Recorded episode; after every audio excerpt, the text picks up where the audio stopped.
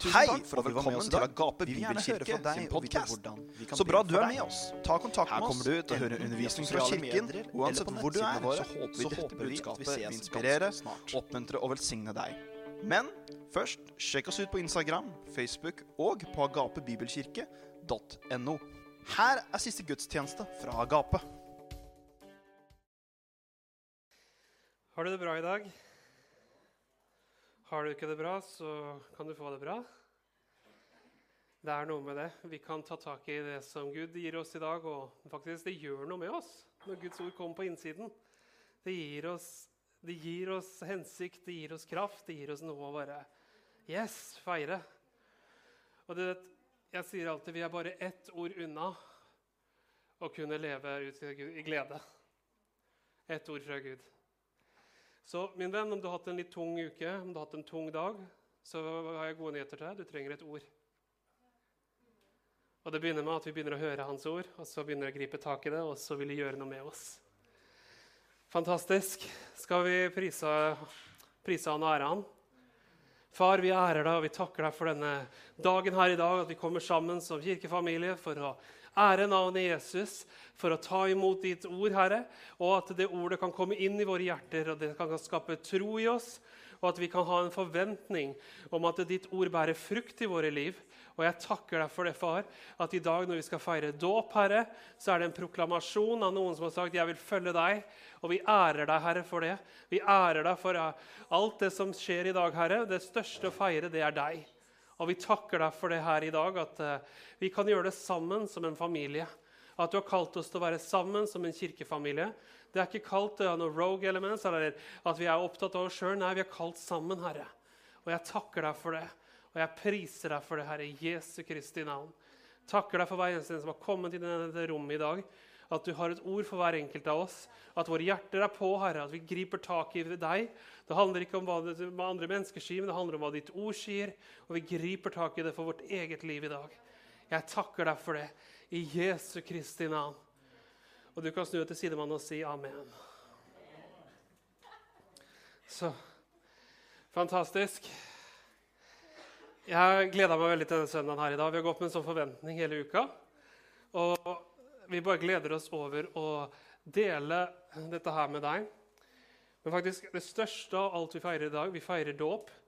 Vi feirer de beslutningene som har blitt tatt. Vi feirer, eh, vi feirer de som skal ønskes velkommen med, som medlemmer i dag. Vi feirer morsdag og alle mødrene.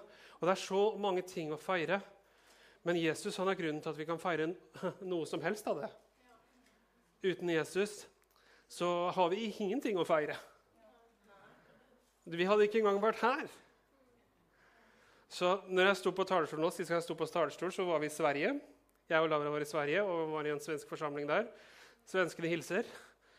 Det var veldig, veldig fint. Men da måtte jeg prøve å svorske, og når jeg står her igjen nå, så er, sliter jeg faktisk litt. For at Sist uke så måtte jeg lære meg svenske ord, og nå skal jeg prøvde jeg å gå på automatisk, og så tenker jeg svenske ord. Så det er det er en veldig pussig situasjon jeg aldri har vært i før. Men det her skal gå veldig, veldig bra. Og eh, jeg har bare gleda meg til å dele det her med deg. Men jeg gleder meg veldig over alt det som Gud gjør, og ser vitnesbyrdene. Og det er ikke bare at det er dåp for at det er dåps skyld, men det er en historie bak hva Gud har gjort i enkeltmenneskers liv, som vi virkelig kan få glede oss over. Når vi sier at ja, det er dåp, eller det er noen som tar imot Jesus, eller at det er noen som blir en del av menighetsfamilien Alt det her er en story bak, hvor mennesker har kommet fram til hvorfor de har tatt dette valget. Og du vet, Når du tar et valg om å følge Jesus, la deg døpe, bli en del av menigheten, så er det ditt valg. Og det er din story. Og når du tar tak i det, så er det ingenting som kan rive det ut av din hånd. Og Derfor vil jeg gjøre meg bevisst på det valget du har tatt for ditt liv. Det er et fantastisk valg. Når fienden har prøvd å få meg eller kommet uh, så dum som han er, og prøvd å få meg til å tvile på ting, komme tilbake til disse landemerkene i livet hvor jeg tok valg. Da valgte jeg Jesus. Og jeg vet at han har valgt meg. Da valgte jeg å la meg døpe. Og jeg husker det ennå. Jeg gikk ned i vannet, skar meg på en stein. Det ble et blodbad. Men jeg gikk under, og jeg kom opp igjen. Så det, kommer til å gå veldig fint her, for det er ikke noen steiner der vi skal døpe i dag. Så ikke bli redd nå, gutter. Det er ikke noe å være redd for. Men jeg husker det veldig godt. Men du vet, midt oppi alt det der jeg sto i vannet var, Jeg brydde meg ikke helt om at jeg skar meg. Jeg kjente så Guds nærvær når jeg sto ute i sjøen der. Og det gjorde noe med meg. Og det var så riktig, og Gud hadde så behag i det. Og Derfor så ta vare på disse landemerkene for din tro. Jeg hadde ikke forberedt å si det her, men jeg kjenner det veldig ta vare på dine landemerker i troen. For når du blir testa av omstendighetene, når livet er tøft, så trenger du disse landemerkene. Faktisk, når israelsfolket gikk, gikk inn i løfteslandet, så sa Gud til dem, 'Sett opp minnesteiner eller landemerker.' Hvorfor? For at dere, deres barn og deres barnebarn og deres etterkommere skal kunne vite at Herren er den som fridde dere ut. Det er noe med det. Gjør dine landemerker tydelig. Vi har en bibel hjemme, eller hjemme hos mine foreldre nå. Og den bibelen så står det om for noe som skjedde for ti år før pinse, pinseopplevelsen med 1905, altså 1895, så står det om mine forfedre som skrev 'døpt til Kristus' og navn. Døpt til Kristus og navn. Og hele familien står når de blir døpt til Kristus. Og jeg synes Det er fantastisk å lese. Det var landemerker i dømmes tro. Landemerker deres liv. Om du ikke er den som tegner, skriver ned i Bibelen din, skriv det ned noe sted. Gjør disse landemerkene tydelige i ditt liv, for du kommer til å trenge dem når livet er tøft. Og det vil kunne bære deg. Husk hva det står i åpenbaringen. De seiret over han, altså over djevelen, i kraft av lammets blod, men altså ordet i deres vitnesbyrd, altså ordet i deres munn. Vi seirer ved at vi, holder, vi står og sier 'Yes, det gjorde Gud da'. Noe av det mest fantastiske jeg har sett, det var, en, det var en dame, det var en svensk dame, da, plutselig nok, en enda mer svensk her. Men det var en svensk dame som hadde skrevet i Bibelen sin hver gang hun hadde opplevd noe med Gud og Guds løfte, så skrev hun 'provad erfarat'. skrev hun. Og etter hvert gjennom et helt langt liv så var det noen av barna hennes og barnebarna som så i Bibelen hennes, så sto det 'provat erfarat, provat erfarat, provat erfarat, provat erfarat' på alle disse løftene. Og tenk om vi kan ha det sånn i våre liv. Vi er veldig konkrete når Gud gjør ting i våre liv, og han gjør masse. Det er bare at vi er ikke alltid så flinke til å sette det ned. Vi har en tendens til å bli veldig følelsesmessige og liksom bare gå etter det som vi føler mest nå. Men hvis vi begynner å sette landemerker for vår tro vet du hva? Det, hvis du begynner å gjøre det over tid Fienden har ingenting han kan bruke på deg. Ingenting. Fordi du har landemerker som hele tiden peker ja, men jeg veit hvordan Gud er. Og jeg veit at han lar meg aldri falle. Hvor, hvor, lenge du har vært frelst, jeg vet ikke. Om du har vært frelst et helt liv, så håper jeg ditt, din bibel er full av landemerker. Og har du ikke begynt, så begynn. For det vil hjelpe deg, og det er ikke bare vitnesbyrd for deg selv, men det er også for de som kommer etter deg. Så Dette er ikke dagens tale, men jeg ble veldig eh, Det er et eller annet her som Den hellige ånd vil at du skal ta tak i. Men jeg har lyst til å bare gå rett inn i det her og snakke om vårt nye liv i Jesus. Og det første jeg har lyst til å si, Nå skal jeg si noe som du kommer være, nå må ikke du løpe ut av lokalet her. altså Nå må du bare holde deg helt fast og spenne deg fast for den der første tittelen jeg skal si nå. Men jeg skal snakke om dagen du døde. Ja, det er lov å le. Det er helt lov. Det her hørtes veldig brutalt ut. Dagen du døde. Har, har du dødd? Så absolutt. Nå skal jeg få dele med deg, så, så du henger med meg. Men vi kan begynne i Romerbrevet kapittel 6 og vers 1 og til 11. Romerbrevet kapittel 6, vers 1 og 11. Her har jeg valgt å bruke Bibelen Guds ord-oversettelsen, for den sier det litt tydeligere her enn han gjør i den norske eh, bibel 2011. Men dere får den på 2011, og jeg kommer til å lese fra Bibelen Guds ord. Men det er Paulus da, som skriver til romerne som sier, Hva skal vi si? Skal vi fortsette i synden for at nåden kan bli desto større? På ingen måte. Vi som døde fra synden, hvordan kan vi fortsette å leve i den? Vet dere ikke at alle vi som ble døpt til Kristus Jesus, ble døpt til hans død? Vi ble altså begravet ved han, eller begravd med han ved dåpen til døden, for at slik som Kristus ble oppreist fra de døde ved Faderens herlighet, skal vi også vandre i et nytt liv. For hvis vi er blitt forenet med Han i likhet med Hans død, da skal vi også bli det med oppstandelsen. Vi vet at vår gamle menneske ble korsfestet med Han for at syndelegemet skulle bli fratatt sin makt, så ikke vi lenger skulle være slaver under synden. For den som er død, er rettferdiggjort fra synden, men døde vi med Kristus, da tror vi også at vi skal leve med Han. For, vet, for vi vet at etter at Kristus er oppreist fra de døde, så dør han ikke mer, og døden hersker ikke lenger over han. For den døden han døde, den døde han for synden en gang for alle. Men det livet han lever, det lever han for Gud. Slik skal også dere regne dere som døde for synden, men levende for Gud i Kristus Jesus, vår Herre.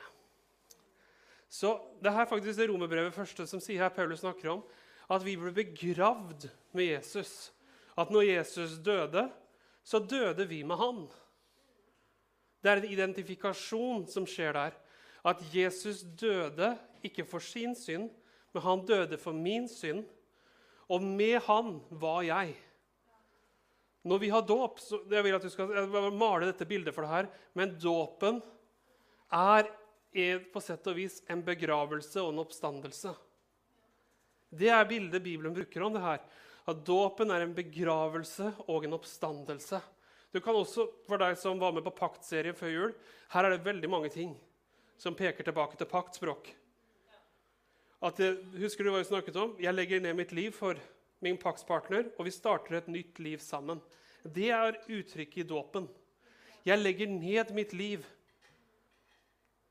og jeg står opp igjen til å leve et nytt liv sammen med han jeg har gått inn i pakt med.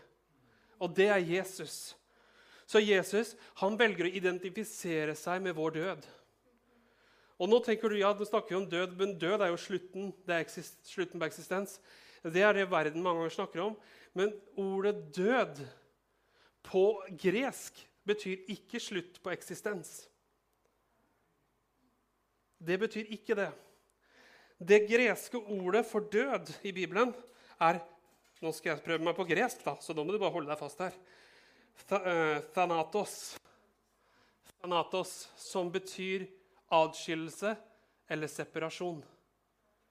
Det er det ordet på gresk så derfor Når vi snakker om død, så snakker vi ikke om at da er det over, da er det slutt på alt. Nei, det, det er ikke død.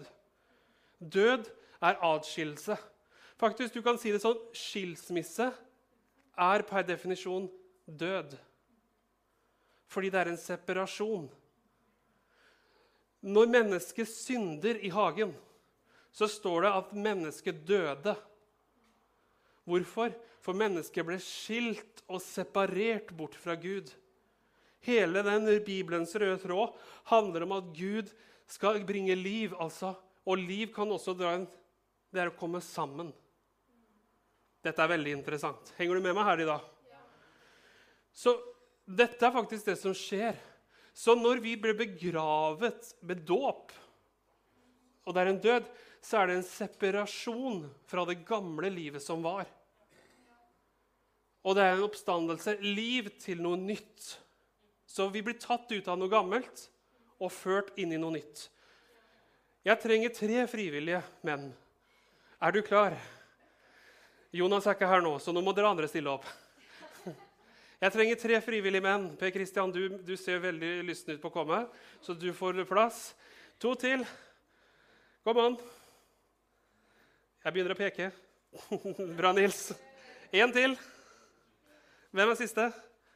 Jonathan? Come on! No? OK. Vladimir, vil du være med? Supert. Fantastisk.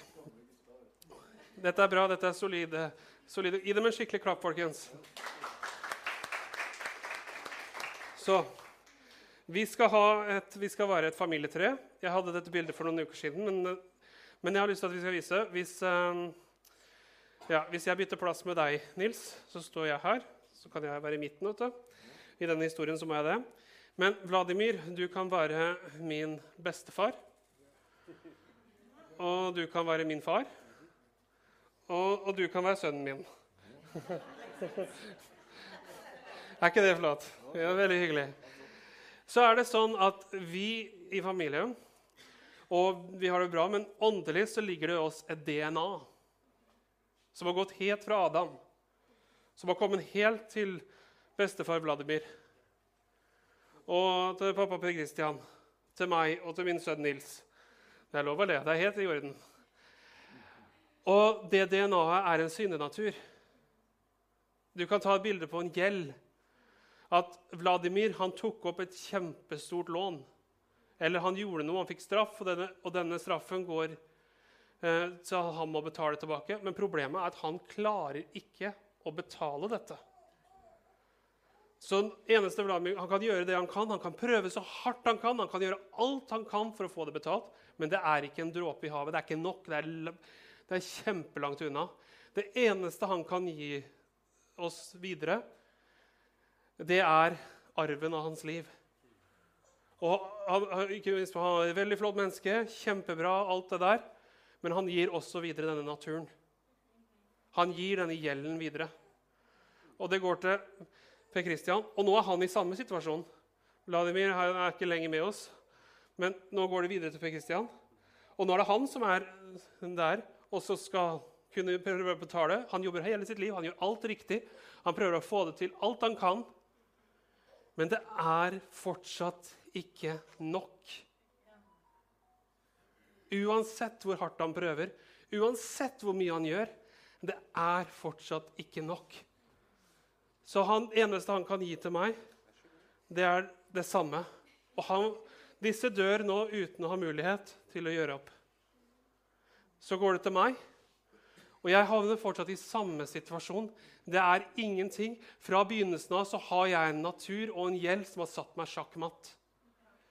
Uansett hva jeg gjør, så kommer jeg aldri til å kunne betale det. Jeg kommer aldri til å kunne fikse det. Derfor, å prøve å rettferdiggjøre seg selv fra Gud kommer aldri til å gå, fordi du er fra starten av sjakkmatt. Dette er så viktig at vi forstår, for veldig mange tror at det, det, står på hva du gjør og ikke gjør. Faktisk, det står ikke på hva du gjør og ikke gjør. Det står på hvem du har. Hvem familie du er i nå. Og det skal jeg forklare. Men uansett hva vi gjør eneste, Jeg gjør alt jeg kan hele mitt liv, men jeg òg til slutt kan må gi til min sønn det samme som mine forfedre har gitt til meg. Jeg kan gjøre alt jeg kan for å unngå det og prøve det, men til syvende og sist jeg har ikke noe annet å gi. Og han vil måtte gi det videre. Og dette er historien om menneskeheten. Takk skal dere ha. Gi. Og når jeg gir det videre, og jeg, hva jeg har fått, og det fins ingen vei ut Hvorfor snakkes dette språket om å dø? Fordi den linja må bli separert fra. Vi må bli separert ifra den slektslinja. Vi må bli separert ifra den gjelden.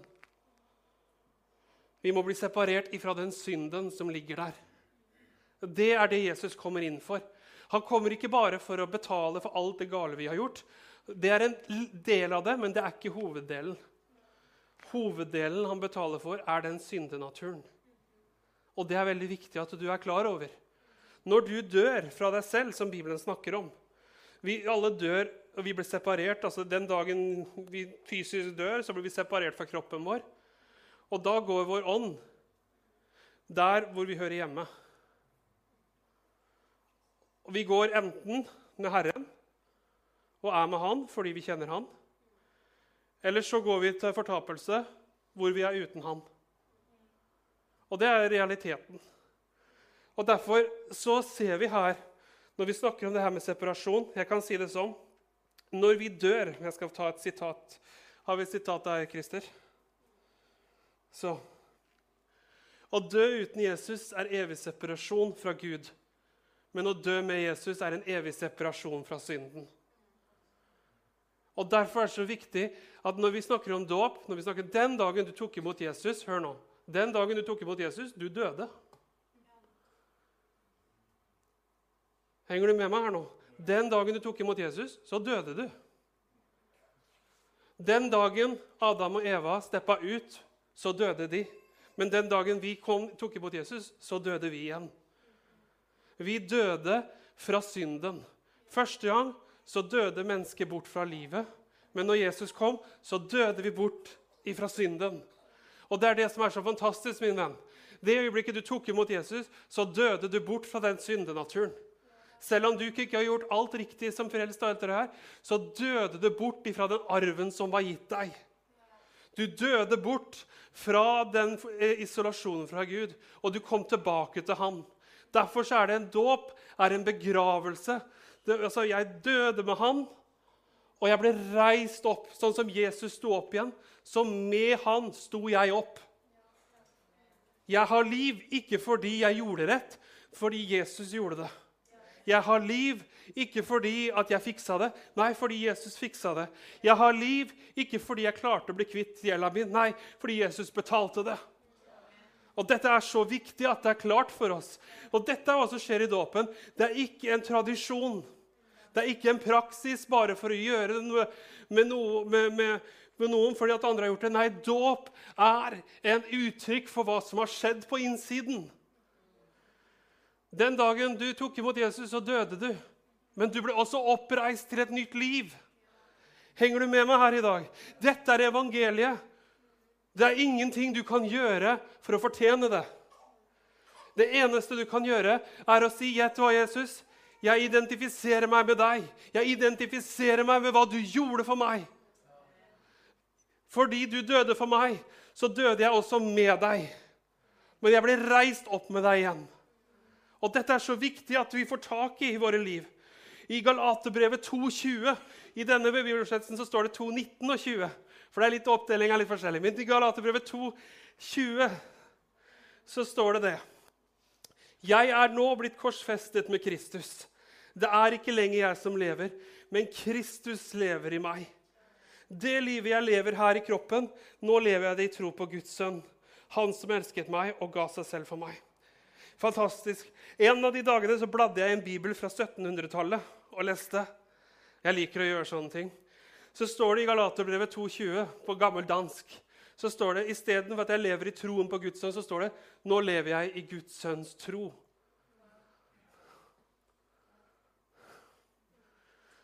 Og det er en veldig stor forskjell. Min venn, det står ikke lenger på deg. Det står på Han som har tatt bolig i deg. Det står på Han som har gitt deg liv. At Den hellige ånd, i hans, i hans kraft, så har vi livets ånd på innsiden. I Romerbrevet kapittel 8 og vers 2 så står det 'for livets ånd'. Forstår du? For livets ånd. Død er separasjon, men liv er at vi kommer sammen. Tilbake til Gud, akkurat som han har tenkt det. Og vi er blitt oppreist til å vandre sammen med Jesus. Ja, for Jeg blir glad når jeg preker dette her. Jeg håper du blir òg. Altså. For dette er de fantastiske nyhetene. Du har blitt oppreist! Fantastisk. Hvor mange av oss bruker ikke tid på det som har blitt begravd? Kan jeg spørre deg et spørsmål nå? Nå kommer du til å tenke at det er litt grotesk hva jeg sier her. Men hvor mange av dere har for vaner å grave opp graver? Hvis du jobber for begravelse, begravelsesbyrå, så er ikke du inndelt på det akkurat her nå. Men hvor mange av dere har ikke vaner for å grave opp graver? Har du lest i nyhetssaker hvor forferdelig hvis noen åpner, skal gjøre klar grav på kirkegården, og så kommer det beinrester opp, og folk blir helt fnatt? Mange av oss noen ganger er litt sånn. Fordi vi mister fokus, fordi vi ikke lever ut livet med Gud, så tar vi spaden. Og så begynner vi å grave, og så blir vi 'Å nei, å nei' over hva vi finner. Slutt å grave der i det som var begravd. Vil du leve lykkelig, vil du leve med Gud, vil du ha frihet, vil du leve ut det livet han har for deg, slutt å grave. Og begynn å leve. Noen av oss går med dårlig samvittighet for noe du gjorde når du var tenåring. Ja, men jeg er tenåring, tenker du. Ja, ja. Jeg sier, Hvis ikke du gjør noe med det, så blir det ikke bedre. Noen av dere går kanskje og bærer på at du ikke har tilgitt noen. Du ble fornærma på et eller annet noen sa. 'Han sa det sånn, og jeg likte ikke måten han sa det på.' han mente det sånn. Hei, du er fanget. Du er fanget. Ja, men han gjorde det. Ja, men han er fri. Du er fanget. Fordi du graver.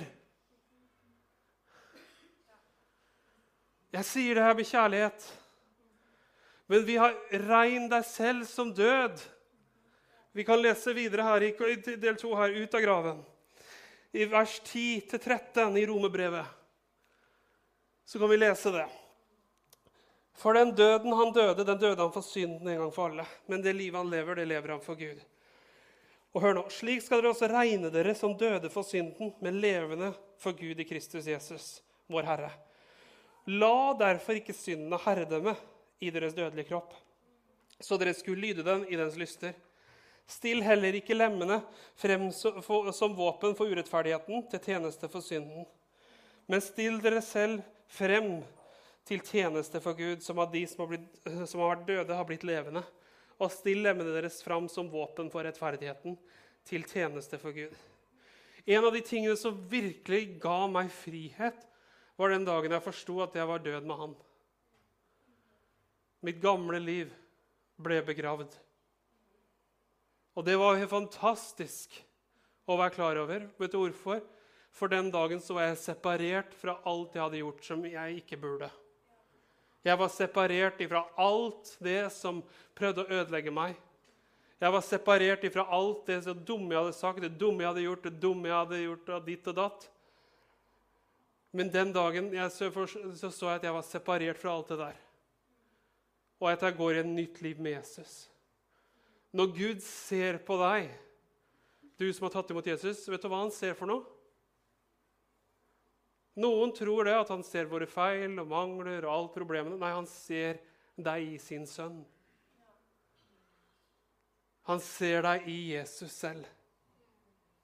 vi har blitt reist opp til et nytt liv. Og dette livet er i Hans sønn. Dette er så fantastisk viktig. Henger du med meg her i dag? Får du noe ut av det jeg deler med deg? Jeg vet dette her er litt sånn stretch hvis du ikke har tenkt på dette før. Men den dagen, du, hvis du begynner å gripe tak i disse tingene, og Den hellige ånd begynner å vise deg ting, så vil det bli et før og etter i ditt liv. Det vil bli et skikkelig før og etter. Så lenge vi har blikket festa på det som skjedde med oss, istedenfor det som skjedde med han, så vil vi alltid drive og spankulere rundt med spaden og lete etter en unnskyldning til å begynne å grave. Hvorfor vil du grave i noe som aldri har gitt deg det du trenger? Jeg, jeg sier det til kjærlighet nå, men noen av oss vi, vi, går, vi prøver, vi har gått inn i et nytt liv med Jesus, og så tar vi liksom spaden i ene hånda og Jesus i den andre. Og det, og så lenge vi er der, så vil vi føle at vi aldri blir helt tilfredsstilt. Vi kommer til å kjenne på de samme tingene som vi kjente på før. Og så kommer vi til å lure hvor er Gud oppi alt det her. Slipp spaden. Slipp det som var. Ja, men du vet ikke hva jeg har opplevd. Jeg trenger ikke å vite det. Det eneste jeg vil at du trenger å vite, er hva Jesus gjorde for deg. Slipp taket, min venn. For Gud elsker deg så høyt, og han har en så uendelig plan for deg.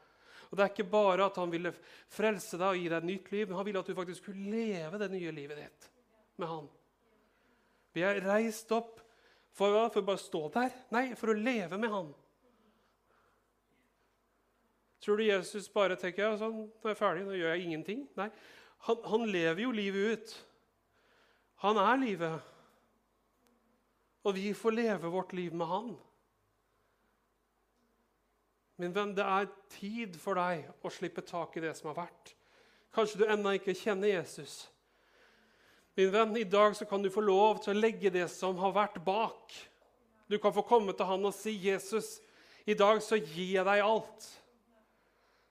Og jeg går ned med deg, og jeg blir reist opp til et nytt liv. Han elsker deg. Men det er ingen vei videre med det livet som var. Min venn, det, er ingen vei videre med det som har vært. Du har kommet til, til siste stasjon. Det er ingen framtid som fører deg til Gud, hvis ikke du vil gå med Han. Dette er så viktig, men det er ditt valg. Gud møtte meg på en fyllefest, det har jeg fortalt om før. Gud er ikke så veldig prippen på hvor han møter deg. Han er interessert i å møte deg. Men jeg, han sa, 'Øyvind, du kjenner veien.' Og du vet hvor dette går hvis du ikke går med meg. Og jeg måtte ta et valg. Og den dagen så sa jeg, vet du hva, det gamle er begravet. Dette livet er jeg ferdig med. Jeg er ferdig med det som, tok, som ødelegger meg. Jeg ble begravet med Han, oppreist for å vandre med Kristus. Og den dagen så mista djevelen holdepunktene på meg. Og det er min venn. Så lenge vi driver og graver, så vil Satan alltid ha en inngang. Jeg sier ikke det for å skremme deg, men djevelen vil bruke det mot deg hver eneste gang når du flørter med det som var. Han vil bruke det. Men hvis du er villig til å si vet du hva, det der døde jeg fra, det er jeg ferdig med, jeg er oppreist et nytt liv Den dagen har han ingen makt over deg. Legg merke til Jesus sier den døden han døde, den døde han for synden en gang for alle. Men det livet han lever, det lever han for Gud. Derfor skal dere regne dere selv døde for synden, men nå levende for Gud. Det er en identifikasjon. Hva er en identifikasjon?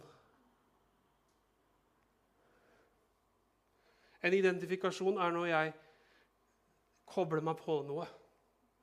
Det er noe når jeg etterligner noe. Men det er også når jeg sier jeg tilhører noe. Hva identifiserer vi oss med? Vel, jeg er gift med Laura, så jeg identifiserer meg med vår familie. Det er en identifikasjon.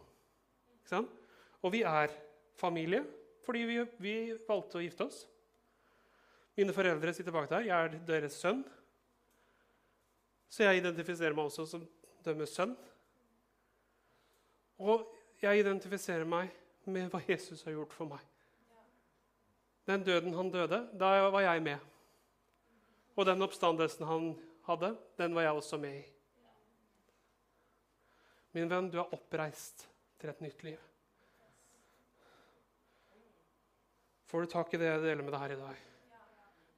La oss lese skriftet til 2. Korinterbrev 5, 17. 2. Korinterbrev 5, 17. Derfor Når Paulus sier 'derfor', så må du følge litt med. Akkurat som når Jesus sier 'sannelig'. Men når Paulus sier 'derfor', da må du henge litt ekstra med i svingen. Det er det det betyr.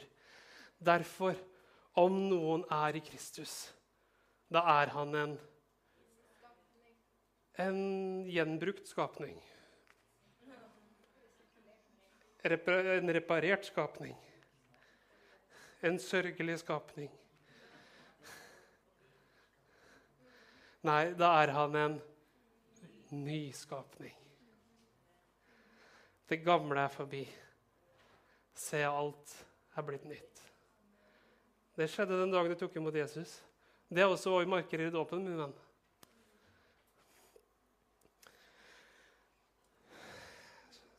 Jeg bare oppmuntrer deg på det sterkeste i dag. Ikke la noen ting forhindre deg. Hva, og, og ikke, ikke bruk tida di på det som er gravlagt. Det er akkurat som du vet at når, når, Jesus hadde vært i graven og Den tredje dagen så kommer kvinnene ut til graven. ikke sant? Og så ser de, og de gråter, og de går på veien og tenker at Jesus er død. Og så ser de steinen er rullet bort, og så løper de. Hvor er han? Hvor er han? Så kommer en engel. Så ser, det er så fantastisk hva engelen sier. Hvorfor ser dere etter den levende blant de døde? Se, han er ikke her. Han er oppstått, akkurat som han sa. Og han har gått i forveien til dere. Si til Peter, sa engelen. Trengte, Peter trengte en vet du. Peter som hadde fornekta Jesus. Så kom engelen. Si til Peter. Han har gått i forveien, og han venter på deg i Galilea. Min venn, hvorfor leter du etter det levende blant de døde? Hvorfor leter du etter liv der alt er begravd? Han har oppstått, og med han er du. Samme kraft. Jeg har lyst til å ta en ting til her som snakkes om, for det snakker også om rettferdighetens tjener og syndens tjener. Orker du noen minutter til? Jeg kan preke hele dagen om det her. Men la oss fortsette å lese litt her. Og så du at uh, i kapittel, fortsatt videre i kapittel 6, vers 16-18, så sier Vet dere ikke når dere stiller dere fram som tjener i lydighet mot noen, så er dere tjener under den dere lyder. Enten det er under synden som fører til død, eller det er under lydigheten som fører til rettferdighet. Men Gud være takk, selv om dere har vært slaver under synden, er dere nå av hjertet eh, blitt lydige mot en lærdomsform som ble overgitt, dere ble overgitt til. Etter at dere ble satt fri fra synden, ble dere tjenere for rettferdigheten. Og Her er det en del kontekst som kan forsvinne pga. vårt eh, norske språk og vår kultur. Så det ordet som faktisk er her, er kommer fra Det er det samme som vi hadde dolos, som betyr slaver. Og nå må vi forstå litt konteksten her. På den tiden så var det vanlig med slaveri. Det betyr ikke at Guds menighet drev med slaveri. Overhodet ikke. Men samfunnet, det romerske riket, alt det her hadde med slaver. Og disse slavene, Det ordet 'tjener' mange ganger i Bibelen. Og det ordet 'dolos' betyr både slave og det betyr tjener. Så faktisk, det er litt interessant å se. Det kommer fra ordet 'doe' eller 'deo', som betyr å være bundet. Å være bundet opp. Det er det det ordet betyr. Så det første med dolos betyr jo slave. Det betyr en som eies av en annen, som ikke har noen egen vilje, men som bare må adlyde sin eier. Det er det ordet kommer ut fra. Men det har flere betydninger. Veldig ofte på gresk så vil du finne noen ganger at ordene inneholder veldig mange ting. Noe som gjør det også veldig fascinerende å gå inn og lese. Og det andre ordet er noe vi kaller for en båndstjener. eller tjener på norsk. men Ordet eksisterer ikke på norsk, men på engelsk er det en bond servant. Og vi, Jeg har lyst til å lese noe for deg her i andre Mosebok. Nå skal vi inn i noen herlige skriftsteder fra Mosebøkene igjen som vi hadde sist. vet du. Så vi skal nå ta andre Mosebok, kapittel 21, og vers 2-6. Så kan vi lese det der. Og dette er under som ble satt, ikke sant? Så står det her i 2. Mosebok 21, 2-6. Så står det når du kjøper en hebraisk slave, så skal han tjene i seks år, men det syvende året så får han gå og være fri uten å betale noe. Hvis han kommer inn alene, så skal han få gå alene. Hvis mannen har kone, eh, så skal hun få gå fri med han. Hvis en herre har gitt han en kone, og hun har født hans sønner eller døtre, skal han kone og barn tilhøre hans herre. Og han skal gå fri alene. Men hvis slaven uttrykkelig sier, 'Jeg elsker min herre, min kone og mine barn', 'og jeg vil ikke gå og være fri', da skal hans herre føre ham fram eh, for Gud, og han skal føre ham til døren eller til dørkarmen, og hans herre skal stikke en syl gjennom øret hans. Og han skal tjene ham for alltid. Og Når du leser det her, så tenker du 'what'? Men heng med meg, min venn. Her er det bare å holde seg fast. Jeg skal ta deg med på en liten vandring her. Men her er det som var slavepraksisen. ikke sant? Så hvis en mann var en slave, så satte, det, så satte det i loven at han kunne ikke være mer enn seks år. Seks år var det siste året. Det syvende året så skulle han settes fri. Uavhengig av om de ville ha han eller ikke. Så på det syvende året så var du fri. Og om du kom i slaveri, om du skyldte en gjeld eller et eller annet du ikke kunne betale tilbake, og du endte opp i slaveri, så kunne du ikke bli satt til et livstid i slaveri. Du ble satt til maks syv år, og på det syvende året så ble det sluppet fri. Du var ferdig etter seks, og når det syvende året begynte, så var du fri. Dette er et bilde, og dette er veldig viktig at vi ser. For syv Jeg snakket jo det her med tall før. da. Jeg synes det er litt spennende sånn, men hvis du liker å titte litt på sånne ting Menneskets tall er fire og Guds tall er tre. Og når du setter det sammen, så får du Guds Gud i mennesket, som er syv. Og du vil se Alt i Bibelen går i syv bølger. Du vil ha F.eks. syv dager i uken. På den syvende dagen så hvilte Gud. Og du vil se også oppdelt gjennom Bibelen så vil du se ting gå veldig ofte i syv bølger. Dette er veldig, veldig interessant. Men poenget mitt her er dette er et bilde fram til den dagen hvor Gud, altså Jesus, Gud i mennesket, kommer iblant oss. Da skal alle de som har vært satt i slaveri, bli satt fri. Faktisk så var det, det også det. På jubelåret så ble alle slavene satt fri. Og dette er det det peker på her, at Gud selv kommer som et menneske, og han skal sette hele verden fri fra slaveriet. Men så kommer det en del her som er litt pussig. Det står hvis slaven sier, 'Men jeg elsker min herre, og jeg har ikke lyst til å gå fri.' 'Men jeg vil tjene han.' Da står det, da skal han gå framfor dommeren. En annen oversettelse sier framfor Gud. Og skal hun ta en syl og føre gjennom øret hans. Og han skal tilhøre ham for alltid.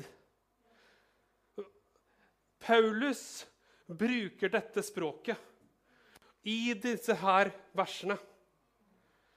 Når han snakker om det Dere som var slaver for synden, har nå blitt tjenere for rettferdigheten. Dere som var dårlås for synden, slaver under Dere hadde ikke noe vilje, dere var fanget, akkurat som arvesynden i stad. Husker du det? Henger du med meg? Spinner i hodet nå? Vi kan be for det òg. Det går bra. Men slaver for synden. Vi hadde ikke noe valg, vi var fanget av det. Har vi nå blitt tjenere, dårlås, for rettferdigheten?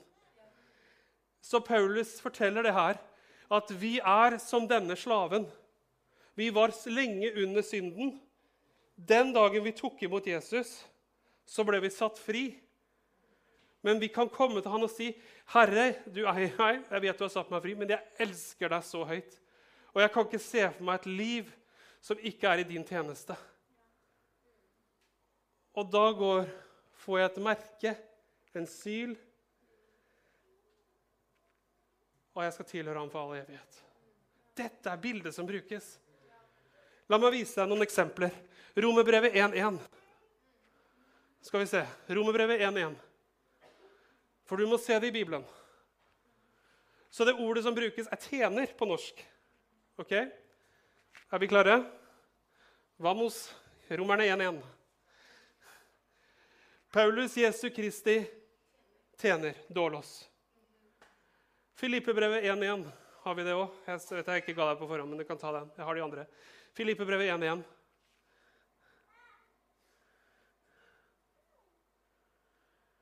Paulus og Timoteus, Jesu Kristi dårlås. La oss gå til 2. Peter 1.1. 2. Peter 1.1. Simon Peter, Jesu Kristi tjener, dårlås. La oss gå til Judas brev. Ikke Judas Iskariot, for deg som lurer. Judas 1.1.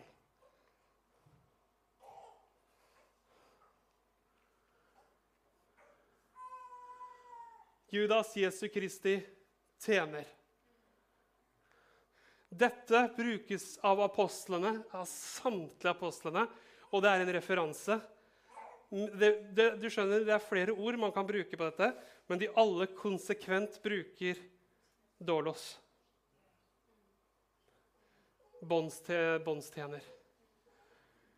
Alle vi er satt fri, men vi elsker vår Herre Jesus, så jeg gir han mitt liv og jeg vil tilhøre ham for alltid. Er ikke det fantastisk? Og det er, sånn, det er derfor Paulus sier dere som før var slave for synden, har nå blitt tjenere for rettferdigheten.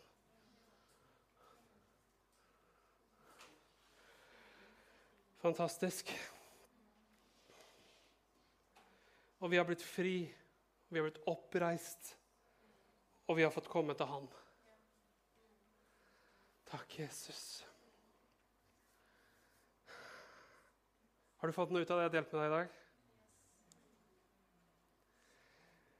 Vi har blitt reist opp til et nytt liv, og i det livet så er det som Gud har for deg. Min venn, det gamle gir slipp. Let it go. Det er noe som kom fra Frozen som du kan synge ut. Let it go, let it go. Can't hold back anymore. Det er noe med det. Let it go. Jeg skal ikke synge det, for da logger mange av streamen på en gang. Da tror jeg vi setter rekord i antall som logger av med en gang. Men gi slipp på det som var. Gi slipp på hvem folk sier du er. Gi slipp på kanskje hva foreldrene dine sier du er. Kanskje du hadde en dårlig opplevelse. Gi slipp på det. Det er ikke hvem Gud sier du er. Gud har gitt deg liv, og dette livet er i Sønnen. Du har framtid og håp, men det er ikke med å rote i gamle graver. Det er med å gå framover med Han, for du ble oppreist med Jesus. Fantastisk. Jeg skal gi en anledning nå, fordi vi er mange her med mange ulike historier. Men jeg vil bare spørre deg, hvis alle kan først av respekt for hverandre, kan du lukke dine øyne? Og sånn, bare for at ikke alle skal kunne se. Så det kan være privatvalg her. Men er du der nå at du er klar, så vet du hva, jeg, vet du hva, jeg vil gi slipp på det gamle. Jeg vil ta imot Jesus i, i, i, mitt liv i dag. Jeg har lyst til å starte et nytt liv med han. Kan, kan, du bare vinke til meg? Det er bare jeg som ser. Og grunnen til at jeg gjør det Ja, det er fint. Ja, flere hender. Ja, flere hender. Så jeg vet det er flere her som Gud jobber med, og ditt hjerte og alt det. Hvorfor må jeg vinke? Nei, Det er fordi at vi vil be med deg. Men samtidig så er det også å gjøre noe for deg sjøl i dag. Og så gi en klar, tydelig proklamasjon. Jeg vil føle Jesus med mitt liv. Han har rørt meg. Jeg vet at han fins. Jeg tror på han. Vel, hvis det er deg, så kan, du, så kan du vinke til meg nå. Ja. Takk, Jesus. Ja, OK, det er flere hender her, så da skal vi be sammen. Jeg vil gjerne at vi ber sammen et øyeblikk her. Vi skal, vi skal snart uh, gjøre noe fantastisk her til slutt. Men la oss bare ta noen minutter og takke Gud og be sammen. Ok? Så jeg vil Hvis vi kan gjøre det sånn at jeg ber først, og så henger du etterpå, og bare gjenta etter meg, så at alle ber, så ikke det bare blir noen som ber. Men så gjør vi det sammen. ok? Og du som er hjemme og ser på streamen, du kan også be ut etter meg. Hvis du tok et valg om å følge Jesus i dag, så kan du gjøre det. Men la oss bare be sammen nå. Far, jeg takker deg for at Jesus døde for meg. At jeg ble begravet med han og oppreist med han til et nytt liv. Takk at du elsker meg, og at i dag så er jeg blitt ditt barn. I Jesu navn. Amen. Tusen takk for at du var med oss i dag. Vi vil gjerne høre fra deg og vite hvordan vi kan be for deg. Ta kontakt med oss enten via sosiale medier eller på nettsidene våre, så håper vi at vi ses ganske snart.